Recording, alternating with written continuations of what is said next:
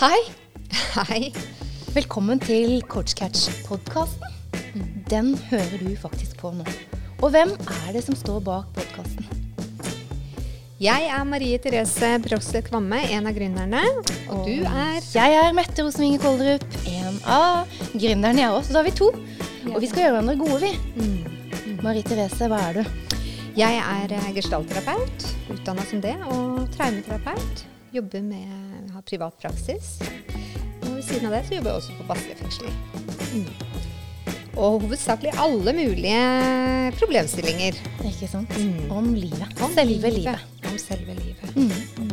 Og dette selve livet, det, det er vel det jeg har mest utdannelse på, for å være helt ærlig. Eh, og det er derfor vi eh, setter i gang denne podkasten her. Mm. Lang utdannelse, men det er mange år siden. Eh, så jeg velger ikke å nevne det, for livets læring er vel egentlig det jeg har blitt klokest av. Og nå skal vi gjøre hverandre litt kloke, kanskje også du som hører på. Mm. Hallo, hallo, hallo. Hei, Mette. Hei, Marie Therese. Hei, nå har vi en gjest her igjen. Vi har en coachcatcher. Hei sann. Hei.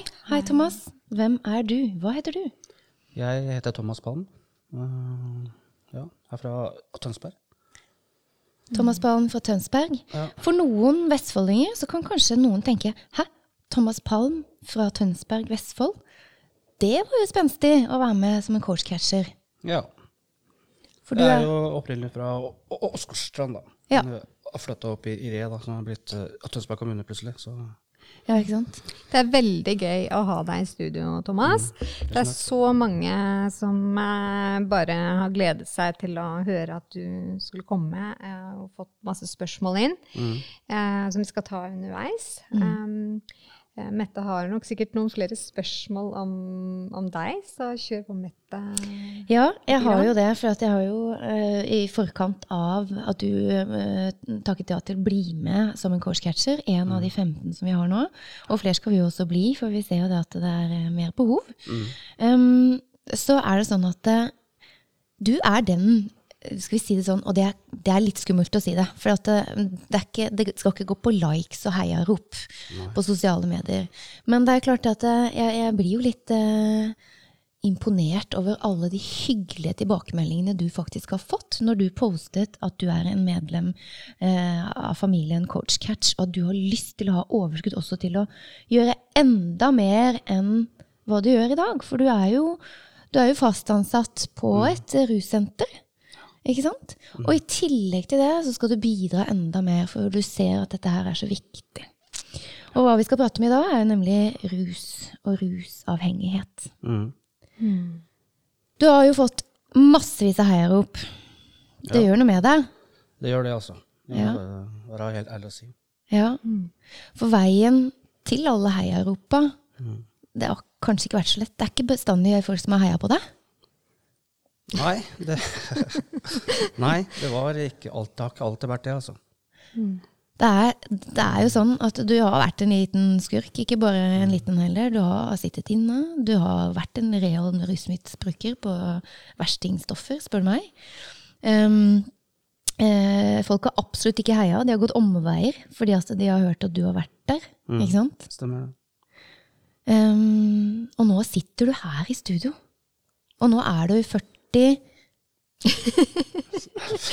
46? 46 år. Ja, ikke sant? Du fylte 46 i, um, i Februar. Mm. Um, veien til voksen. Fra ungdom. Da- Vi kunne sittet i flere timer, egentlig.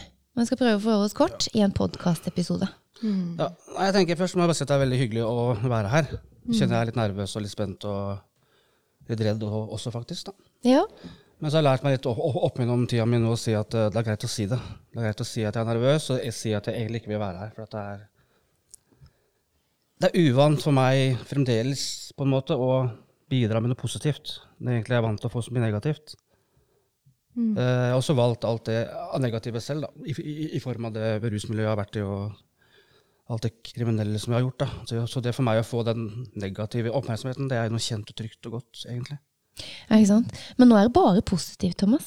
Nå sitter du her, og så ser jeg Marie Therese og jeg, vi ser jo at du er litt utafor komfortsonen, men jeg skal love deg at eh, enhver gjest som har vært i studio, og inkludert Marie Therese og jeg, vi har jo vært stressa hver gang vi møter denne mikrofonen to centimeter fra munnen. For det er rart å snakke sånn i et studio. Det er ikke helt ja, er naturlig.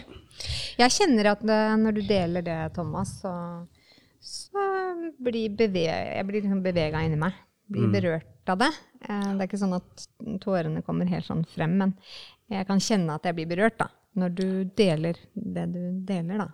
Mm. Jeg har rett og slett liksom også det jeg tenker på, at jeg, jeg har ganske brei erfaring Ja. i det med rus og avhengighet, da, ikke minst. Og det med å vokse opp i en trygg familie i Åsgårdstrand på 70-, 80-tallet, 90-tallet. Men allikevel, da, jeg har også ADHD. Sånn at eh, jeg var jo helt, eller sikkert sånn der, eh, barn som var veldig utfordrende for skolen blant annet, og hjemme òg, ikke sant. Eh, Så jeg fant jo på mye greier. Men jeg tenker det at eh, jeg kan ikke sitte inne i dag, føler jeg, med all den kunnskapen jeg har om rus og avhengighet. da. Jeg kan hjelpe kanskje én da, til å få en annen tanke på livet, eller få ett menneske til å få et bedre liv. da. Mm. Så det er det at, også, jeg at jeg sitter her i dag, det er fordi at jeg har kapasitet til det. Mm. Jeg kjenner jeg brenner veldig for det. Det er så mye rusfritt nå, og så mye selvskading, og så mye greier. Og spesielt nå, kanskje, da, i, i denne koronatida, så er det mye, mange ensomme mennesker. Mm. Veldig. Jeg tenker alt er stengt ned. Mm. Det er en sånn eksistensiell isolasjon. Folk sitter hjemme, ikke sant. Barn. Eh, det kommer jo på nyhetene nå at flere og flere barn blir utsatt for eh, vold fordi at toleransevinduet til foreldrene er smalere. Altså toleransen for, for det å være innenfor fornuftssonen, da. Eh, og der tenker jeg også at rus og eh, alkohol eh, kommer eh, frem. Og jeg tenker også at det er mye mer enn hva vi ser. Så mye mer enn hva vi egentlig ser. Så mye skjult. Masse. Masse. Så eh, Men Thomas, din vei, da. Eh, og, og din bakgrunn. Eh, eh, altså, du har, jo, du har jo levd et liv. Du har også gjort en jobb ikke sant? for å faktisk eh, komme deg ut av det, og komme dit du er i dag. Kan du si litt om veien inn, da? Veien inn, hva er det som skjedde? jeg, var, jeg kommer fra en grei familie i Åsgårdstrand og har har ikke vært noe tull hjemme. Nei. Men jeg var jo den i gata som fikk veldig tidlig rykte på meg at jeg var gæren. da. Ja. Det var tidlige forventninger at når Thomas Palm kommer, så, så, skjer det ting. da. ja. Det var sånn Det var det var sånn, Jeg fikk litt makt i det òg. Jeg fikk litt sånn der, jeg ble sett, jeg ble Mm. hørt. For jeg følte ikke at jeg ble det på skolen. Nei. Det hadde, da var det MBD, Godfølelse, rett og slett, av å liksom Hæ? Fikk litt godfølelse av det? Ja, for at på skolen så følte jeg at jeg ble ikke møtt helt riktig med tanke på det å bli sett og også hørt, ikke sant? Mm. Av lærere. Kanskje, men jeg, jeg skylder ikke på skolen heller, da. Jeg tenker at de Når jeg ikke ble møtt av de sånn som jeg følte det, så fant jeg andre elever som var som meg, da. Der ble Ja. jeg sett og fikk en status, da. Ja. Så du fikk en liten gjeng, men du fikk jo også en diagnose ADHD. Den eh, fikk jeg ikke før jeg var voksen. Nei. Det er jo gjerne typisk det, ikke sant? Det, Så, så jeg fikk det stempelet veldig veldig tidlig, da. Du har trøbbel og mye energi, eh, fra godt, eh, god, godt møblert hjem og god familie. Mm. Og de syntes dette her var eh, katastrofe, selvfølgelig. Eh, og alltid ha en, en liten kar som eh, men Thomas, bare ett spørsmål. Et ja, spørsmål. Ja, ja, Når det var første gang ja. kan du, Husker du første gang Ja. du ruset deg? Fordi da kommer vi litt inn på de spørsmålene som kommer her. ja. Det var Først, på- Hva er det første du tok, og husker du det? Jeg tror det var noe whisky på barneskolen. Whisky, ja. På barneskolen. Ja, ja, et eller annet innbrudd. Jeg, vi ja, ja, ja. k- knakk meg inn et eller annet sted, og så var vi leita rundt der. Da fant vi noe å drikke på. Da, vet du. Så På jeg var barneskolen? Sjette klasse. Sjette klasse. Whisky på barneskolen. Ja, så ble det mer og mer alkohol utover ungdomsskolen. Jeg ble mer og mer voldelig i fylla. Mer og mer bråk. For jeg stammer jo. Ja. Og så fant jeg veldig tidlig ut når jeg skulle prate meg ut av ting på byen, da, ikke sant? eller på ungdomsklubber eller noe, Ja. og jeg begynte å stamme, så begynte folk å le av meg. ja, ikke sant. Så jeg skjønte at det var flaut. Så da, begynte jeg, da begynte jeg så å, slåss isteden. Mm. Løse det på den måten. Helt til jeg ble introdusert for amfetamin da jeg var 17,5 eller 18 eller noe. Mm. Da var liksom den ultimate løsninga var det middelet der, altså. Mm. Da ble jeg helt rolig, rolig på innsida. Jeg turte å prate. Jeg ble utadvendt. Jeg slutta å stamme litt òg. Mm. Så det tenkte jeg, det stoffet der, det skal jeg alltid bruke, tenkte jeg. Det var, liksom, Det var redninga? Da, da, ja, på en eller annen det var en måte. kjempeløsning, da, men Ja. jeg ble jo veldig fort avhengig. Ja. Så, Så det var en på- selvmedisinering du egentlig starta Ja, i starten så var det det. Jeg ble sånn full kontroll på byen og full kontroll på, Mm. ja, på skolen også. ikke sant? Det, jeg begynte vel litt med det Nei. Mm. På videre, og, og gående begynte jeg på det, da. Så eskalerte det, ikke sant? Og, Ja, veldig. Og så ble jeg sånn. mm. mer og mer kriminell for å få penger til det. ikke sant? Og, Mm. Så var du inne på en utrolig dårlig stil og en dårlig bane. veldig. I mange, mange år. Fra jeg var liksom Med alkoholen, da, tenker jeg fra som alle, alle andre begynner på disse ung- ungdomsklubbene. da. Til amf amfetamin jeg var 18 da, eller skjøt det virkelig været, da. Så jeg har brukt alt, egentlig, men ho hovedsakelig amfetamin og det, da, ho hovedsakelig det. Eh, helt til jeg ble 28, og da ble jeg pappa til Daniel. da. Mm. Mm. Så jeg, jeg har sittet syv år i fengsel også da, i den perioden. Så, Og den mest sammenhengende perioden det var to og et halvt år. mm. Eh, Men til sammen syv år. Det er syv år av ditt liv. Og nå er du 46, akkurat fylt 46. Da har du liksom vært nykter i tolv år. Vi ler litt, fordi at Anette og Thomas har en sånn greie med at eh, hun får latterkrampe hver gang hun spør om alderen hans. Ikke vet jeg, men det er en liten jeg blir mobba igjen. Du holder deg bra. Det, det er god mobbing, det, da. Ja, det er litt kjærlighet i det, tror jeg. Ja, det er masse kjærlighet i sånt, ikke Jeg må ha tillit til det. Ja, ja, ja. Anette er jo også Hun har jo blitt litt sånn partner. Dere to har jo teamet opp. Hun skal være i neste episode av Coach Catch-podden.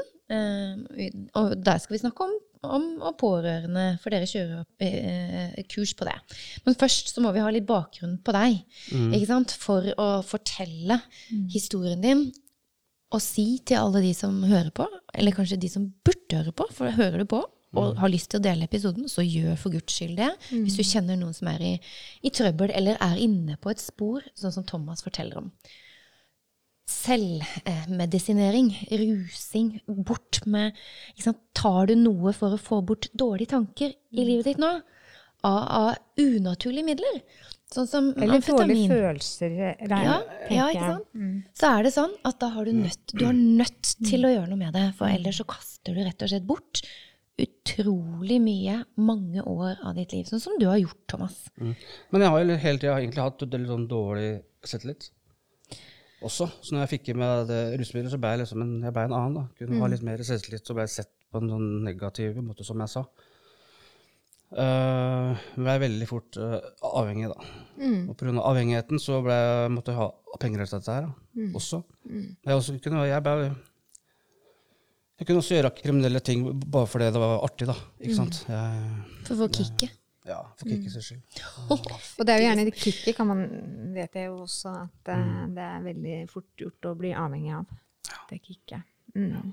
Og Så fikk jeg en barn oppi dette her, og så greide jeg ikke å stoppe å ruse meg. Sånn at jeg, enda jeg ville, liksom, så greide jeg, greide jeg ikke å stoppe. Så, sånn, For fram til du fikk Daniel, eh, så hadde du ikke vært innlagt noen steder. nei, jeg hadde ikke tenkt det, og jeg hadde ikke noen planer jeg om å slutte å ruse meg heller. Liksom, jeg møtte kona mi i rusmiljøet ute. Ja, ja. Vi heller hadde ikke noen planer om å, slutte å ruse oss eh, Nei. i det hele tatt. Uh, hun hadde en datter på ett og et halvt år når jeg møtte henne. Hun ble tatt uh, Hva skal jeg si hva hun Vi hadde hatt en krangel, og så krabba hun jenta ut av sprinkelsenga i Tønsberg og forsvant ut på natta. mm. Så ble dette sett, da, heldigvis. Mm. Så kom barnevernet og politiet, da. Men da bare rusa vi oss mer, da. Ikke sant? Da Ja.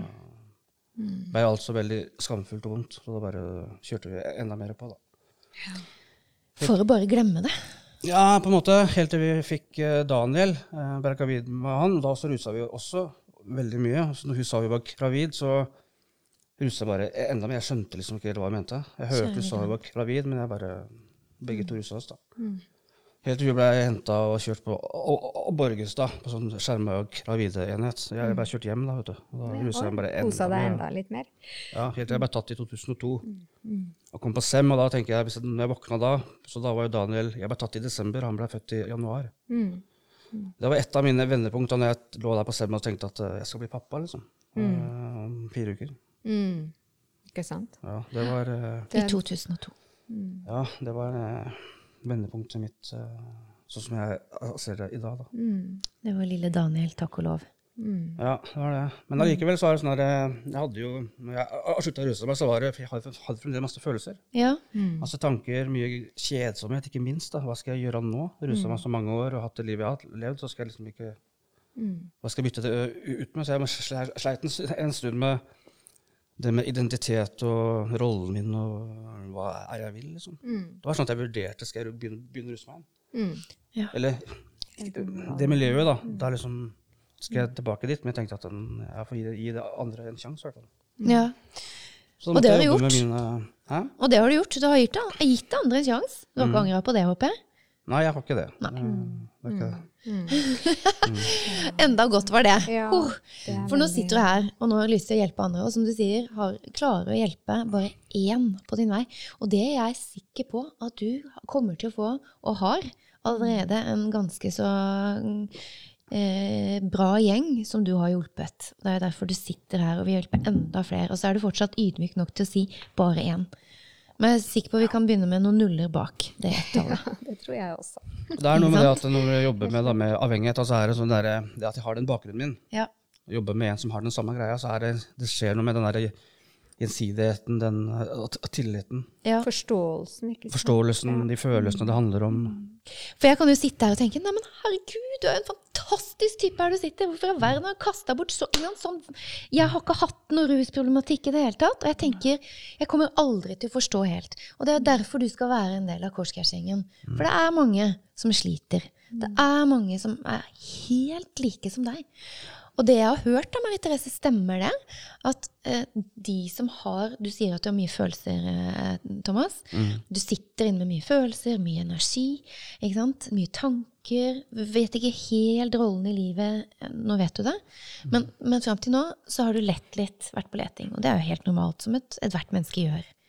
Men det jeg har hørt, da, de som faktisk begynner å ruse seg, er kanskje blant de mest intelligente, de mest kreative og de mest følsomme menneskene. Det er tre ting som er kjempe eh, eh, for å faktisk ha en større sjanse å komme seg ut på rus.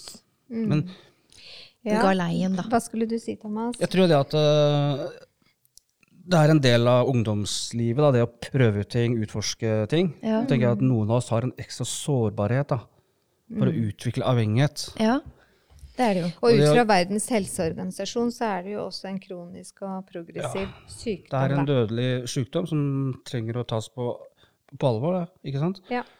Så tenker jeg at uh, når man, Det med kontrolltap jeg tenker Vanlige mennesker som tester litt ut, og sånn, det har kontroll. Da, ikke sant? De merker at uh, når de blir tatt én gang, så tenker de dette gidder jeg ikke mer. Det var flaut. og det... Men, og, og, og, når jeg ble tatt, så ville jeg bare ha mer av det. Det var så kick, det òg, å bli tatt og, ha, og, og politiet etter meg. liksom. Så jeg tror jeg har den der avhengighetsgreia i, i meg. så Jeg kan bli avhengig av det meste, egentlig. ja. Eh, så jeg er liksom sånn uh, Jeg har jo prøvd å, å slutte før også, men da når jeg kutta ut med stoff, så begynte jeg å drikke mer. Ja. Når jeg kutta ut det, så begynte jeg på anabole steroider. Og så Ja. var det en del relasjoner. Ikke sant? Så jeg liksom flytta bare avhengigheten. Helt fikk, må, fikk hjelp til å skjønne at ja, det med avhengighet, da må avstå fra det, det man er avhengig av. ikke sant? Og begynne å prate om det som ligger bak. Mm. Ta det litt ved rota. Hva er det du ruser deg på nå, sånn i forhold til livet? Altså, Du har Daniel, og så har du et barn til, har du ikke det? Jo, Simone. Ja.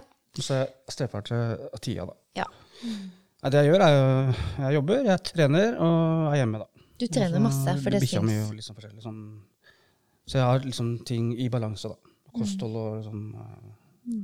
Prøver å få ting til å bli og normalisert. Og så tenker jeg det er viktig, da, eh, og det vet, vet du jo, eh, det å hele tiden bevisstgjøre seg selv hver dag.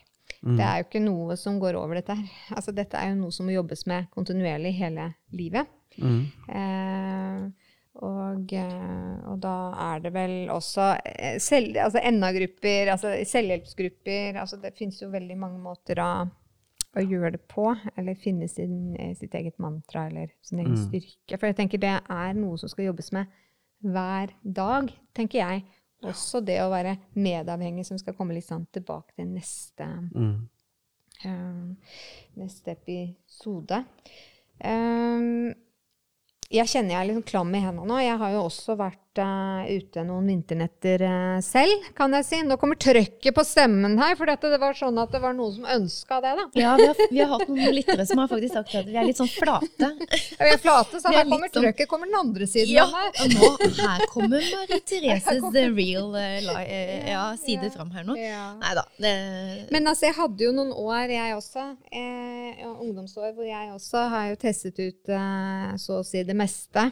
Mm. Eh, og hadde et jetset-liv eh, hvor jeg bodde inne i Oslo eh, og jobbet eh, beinhardt innenfor eh, salg og markedsføring og det å holde tempoet oppe og eh, Så, så det, det, var liksom en periode av livet mitt hvor jeg også stabiliserte livet mitt med, med rus. Ja.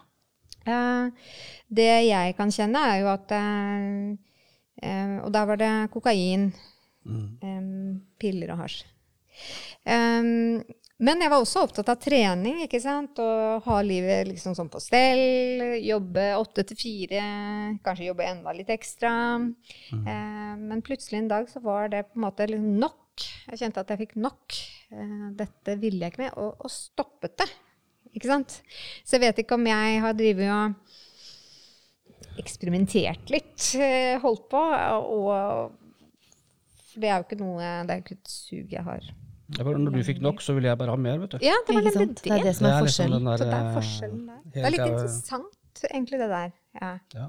Jeg har ennå ikke funnet ut noe svar med to streker under svaret på hvorfor jeg endte opp som en rusavhengig. Nei. Det er en del elementer og en del ting jeg kan sette sammen som, mm. som er en årsaker, en tanke rundt dem. Jeg har ikke funnet det mm. endelige mm. og, og, og, svaret ennå. Altså. Og jeg, har jo, jeg leiter ikke så mye etter heller, egentlig. Jeg tenker at uh, det var som det var, som det var, så har det blitt, så, blitt sånn som det har blitt. Ja.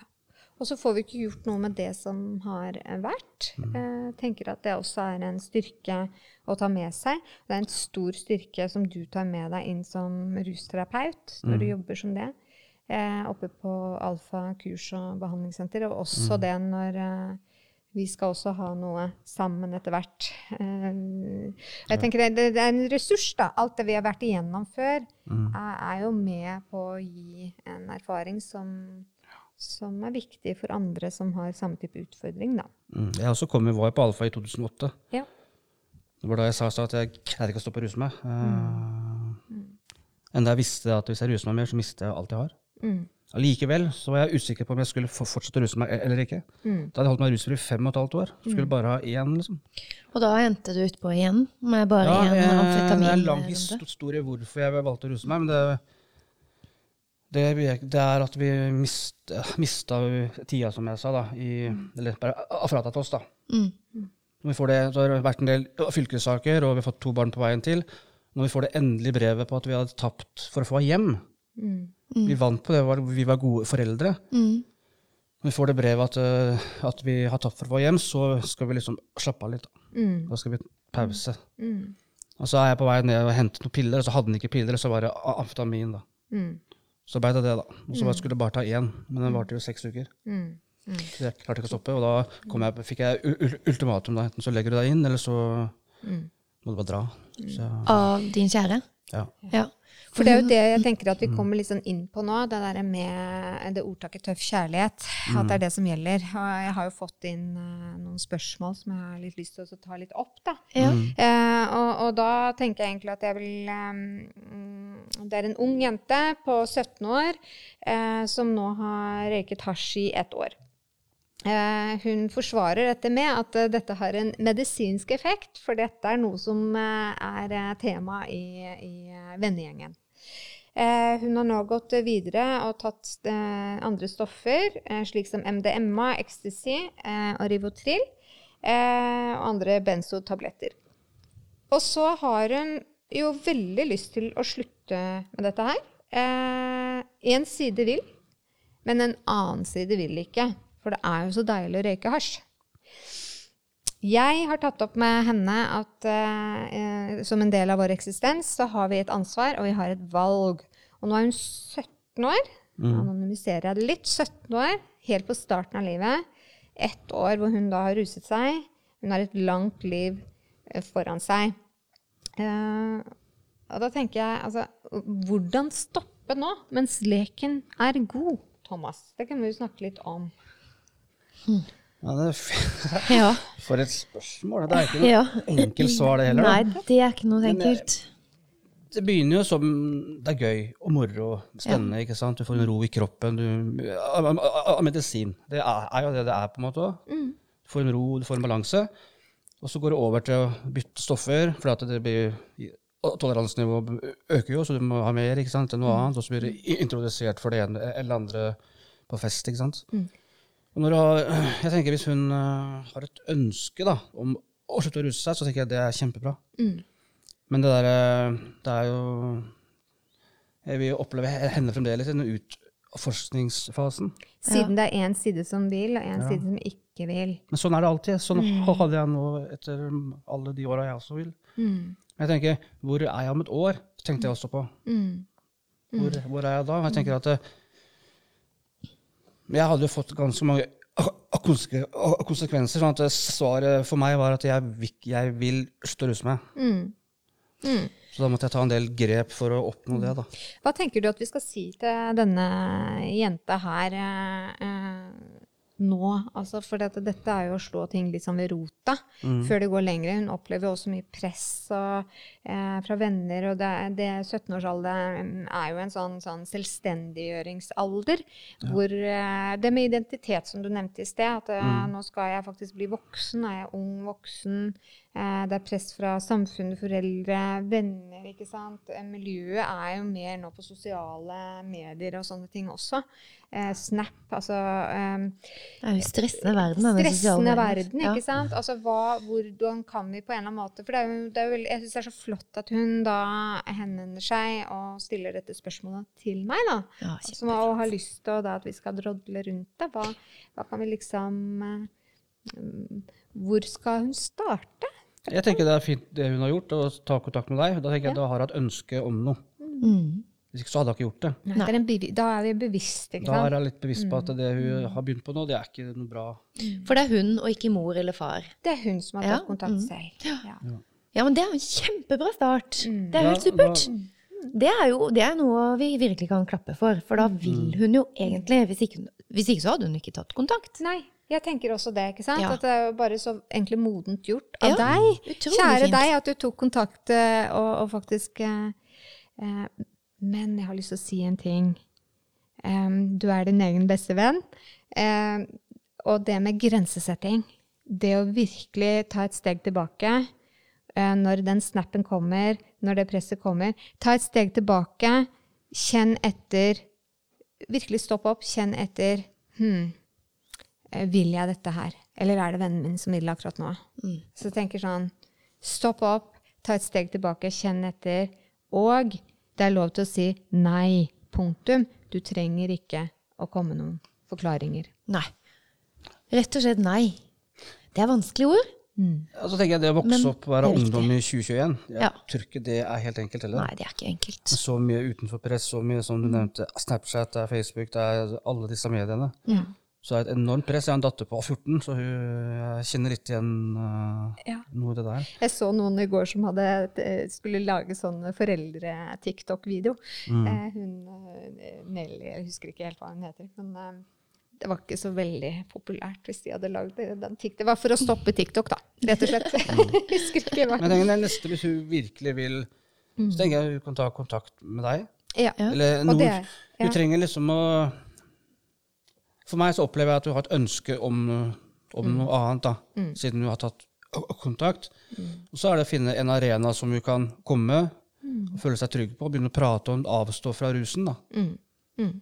Ikke ku- ku- kutte ut på dag én, for det er ikke så lett heller. ikke sant? Men Nei, i hvert fall ha en bevisstgjøring om at det, hva gjør jeg er, er videre, Mm. og ta kontakt med noen, sånn at du kan få muligheten til å så prate om det, de tingene som som. Mm. som ligger bak. da, tenker jeg da, ikke sant? Det å avstå fra det hun- fra rusmidlene. Mm. Begynne å kjenne på følelser eller tanker. Mm. Eh, kjedsomhet. Jeg kjenner jo ikke bakgrunnen i det hele tatt, men det er jo Nei. Og det er jo litt vanskelig, ikke sant? Altså, for at vi håper jo virkelig inderlig ikke at hun ønsker å utforske mer. Mm. Men nå har jo altså si ja, nei, 50-50 nå har jo eh, nei-siden hennes vunnet. Mm. Fordi at hun har tatt kontakt. Hun har jo noen spørsmål. Så helt klart er hun en fornuftig 17-åring som skjønner at det, dette, det her er jo ikke greit. Det er jo ikke den veien i livet jeg vil gå. Så det er jo kjempefint.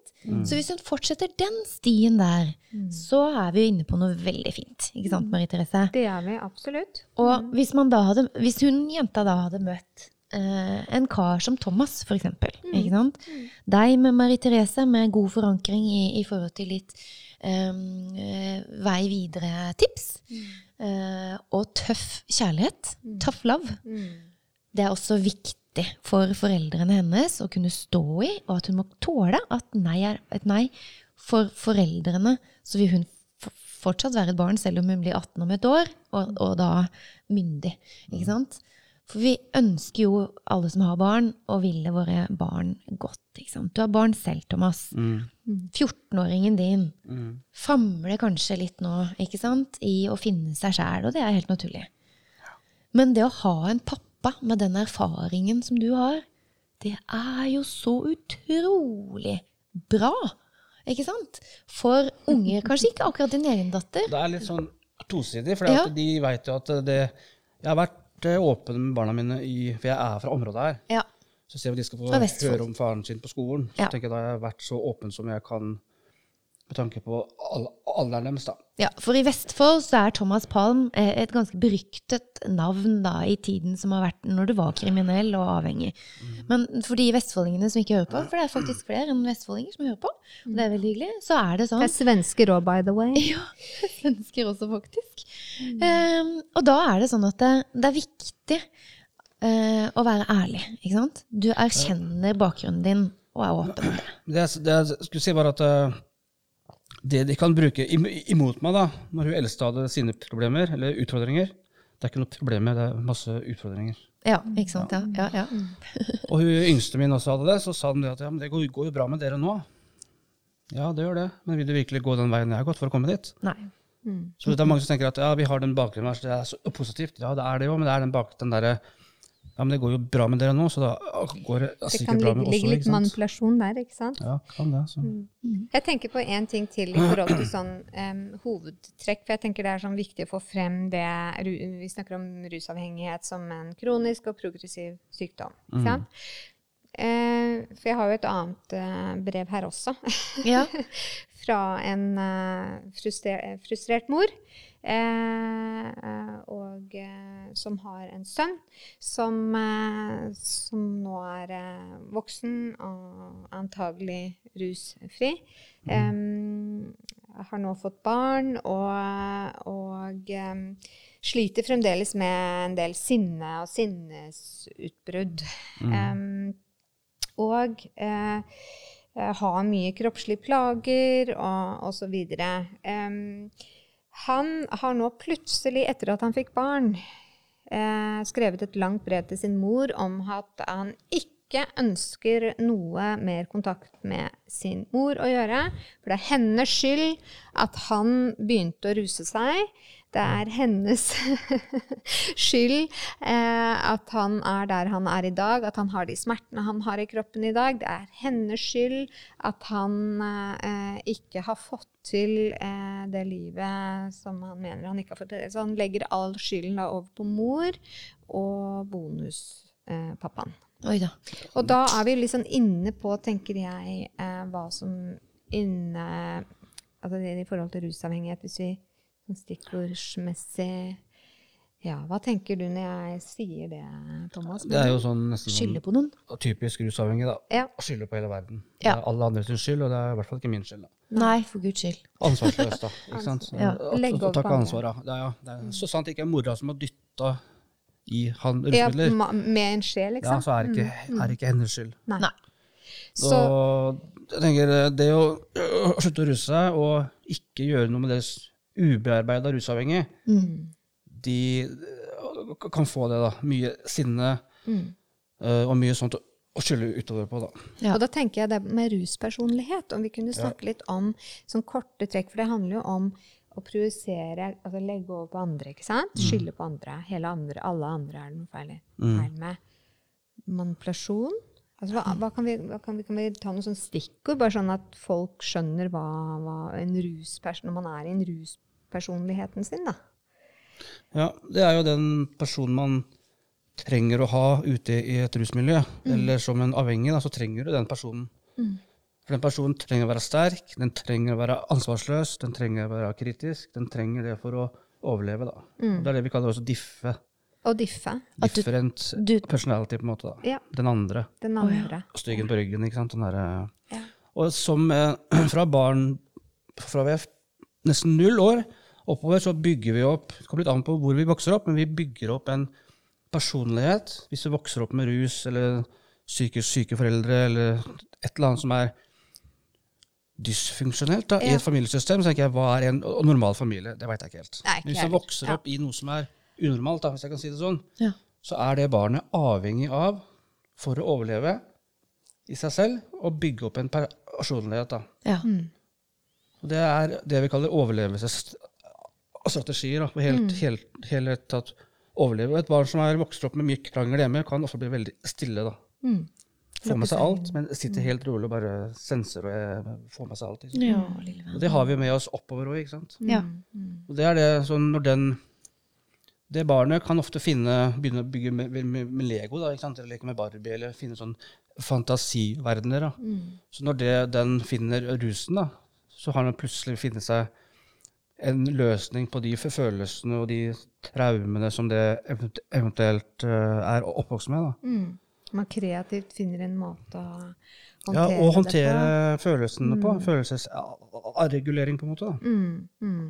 Men tenker jeg, han øh, fyren der, han tenker jeg, jeg vet ikke helt, men bak det sinnet tenker jeg ligger mye sorg, det ligger mye tap, det ligger mye svik, det ligger mye tapt uh, ting og tang. Og så tenker jeg en sånn Når vi tar bort rusen fra en rusavhengig, så løser du ingenting. Nei. Da begynner det jo. Ja, da, da begynner begynner følelsene, da begynner tankene. Mm. Da begynner helvete. Da begynner Og det ubearbeida er ruspersonligheten også, da. Mm. Mm. Fantastisk bra svart. For å håndtere det, så peker vi utover. Jeg også var Ja. sånn, jeg også Ja. Og jeg tenker kanskje at hvis vi skal Ja, se på det, det spørsmålet som har kommet inn, da, at det er, ligger noe positivt i at han faktisk da har skrevet et slikt brev, selv om eh, Mm. han legger alt ut, så er han i et eller annet som gjør, i en stor sånn livstype krise, som gjør at han Mm. Men hvis vi skulle komme med sånn konkret sånn råd, da. Mm. For jeg var jo liksom, jeg tenker jo litt sånn, det er nesten sånn OK, la ham være i fred. Mm. Jeg tenker det å gå inn i det, da, da beveger vi oss over på medavhengighet, som vi skal snakke om. Det kan vi egentlig snakke om litt mer etterpå. Drar den ballen videre til neste podcast. Neste episode. Men jeg tenker sånn i forhold til eh, Hvis du skulle komme med et konkret tips, bare sånn raskt, til disse foreldrene, hva de skal gjøre. For det er jo også et barn, et spedbarn midt oppi bildet her, som han har fått. Mm. Eh, hva, hva skal de gjøre? Enklest er vel kanskje det kommunikasjon. Kommunikasjon. Men når han ikke vil snakke med dem? Nei, Og det er vanskelig. det er veldig vanskelig. Tenker jeg Ja. da Jeg vet ikke, kanskje de trenger å trekke seg litt tilbake? Ja. Gi litt ansvar tilbake. Jeg, ja, ansvar tilbake. jeg kjenner jo ingenting av dette her. Jeg tenker at det, ta, ja, eh, trekke seg litt ut av, av situasjonen. La han være i fred? På et vis. Mm. Men ikke sånn at, at han føler seg avvist. Nei. Så, men eh, vente litt med å svare på brevet, kanskje? Ja, kanskje det. Eller det er, jeg tenker det er fint at han skriver det brevet, for det er et eller annet han ønsker å, å, å formidle. ikke sant? Mm. Og det Kanskje forteller meg at han, han ser jo dette her selv. Mm. Hvis ikke så hadde han ikke skrevet det brevet, tenker jeg da. Nei, altså det er jo Han, har jo, han er jo inne på eh, problemet sitt når han tar opp og, eh, altså Mac-en eller PC-en og skriver dette her. Han skriver jo et brev, så det er klart at han har jo lyst til å løse det. Har han ikke det, da? Jo. Og det er klart at det, det å skylde på noen, som vi var inne på, Mm. da må du faktisk ta ansvar for eget liv. Absolutt. Fordi at man kan ikke peke utover, man faktisk må peke innover. En ganske Den største prosentandelen i livet må du faktisk peke innover, for det er du som tar alle valga. Mm. Deg selv. Ikke sant? Og det sa du jo. Men, Men du fortalte alle- det veldig bra. Og dette svaret her, altså denne podkastepisoden her, kan jo faktisk eh, videresendes til den som personen måtte ville videresende det til. Mm. Det kan jo være et svar. Men det er ikke så lett å så Hva skal man gjøre? Først må man få litt uh, kunnskap og innsikt Ja. om uh, litt medavhengighet og litt sånn ruspersonlighet og litt sånn eh, Ja. ja. Mm. Mm. Hvis det er sånn at du trenger eh, mer hjelp til dette her, så er det klart at coursecash.no, der har vi utrolig bra folk som eh, har noe ledig tid. Mm. Eh, det er et utvalg av, eh, av mennesker som har egen bakgrunn, sånn som dere to, eh, som ønsker også å få gjøre sin erfaring til noe godt for andre. Mm. Vi nærmer oss egentlig litt sånn Tida går så fort. Den går så fort, Ja. og vi kunne sikkert sitte her og snakke Ja. i hele dag. Men Thomas, du er med i Coachcatchingen, Mm. så det er klart at vi vil jo gjerne ha, ha alle coachcatcherne inn i episoder. Og Coachcatch har definitivt kommet for å bli. Mm. Så, så vi kan kjøre på med episoder igjen. Men hensikten å ta dette her opp nå, før påske, det er eh, litt av tanken vår. mm. Fordi at vi kommer opp i en påskehøytid. Enhver høytid er nesten en feiring for alle rusavhengige. For det er en liten unnskyldning til å dra på litt, ikke sant? Ehm, og det er ikke bra. Og den isolasjonen også som skjer nå, Ja. nedstenginga i tillegg. ikke sant? Ja. Er- Nedstenging i koronatid, ensomhetsfølelsen. Ensomhet er det jeg skulle si. Den Ja. ensomheten. Ja. da, Det er at eh, Blitt sånn avvist av, av familie. Du er ikke ønska hjem for du er rusa. ikke sant? Og da, hva gjør du da? Og Da ruser du deg mer. ikke sant? Ja.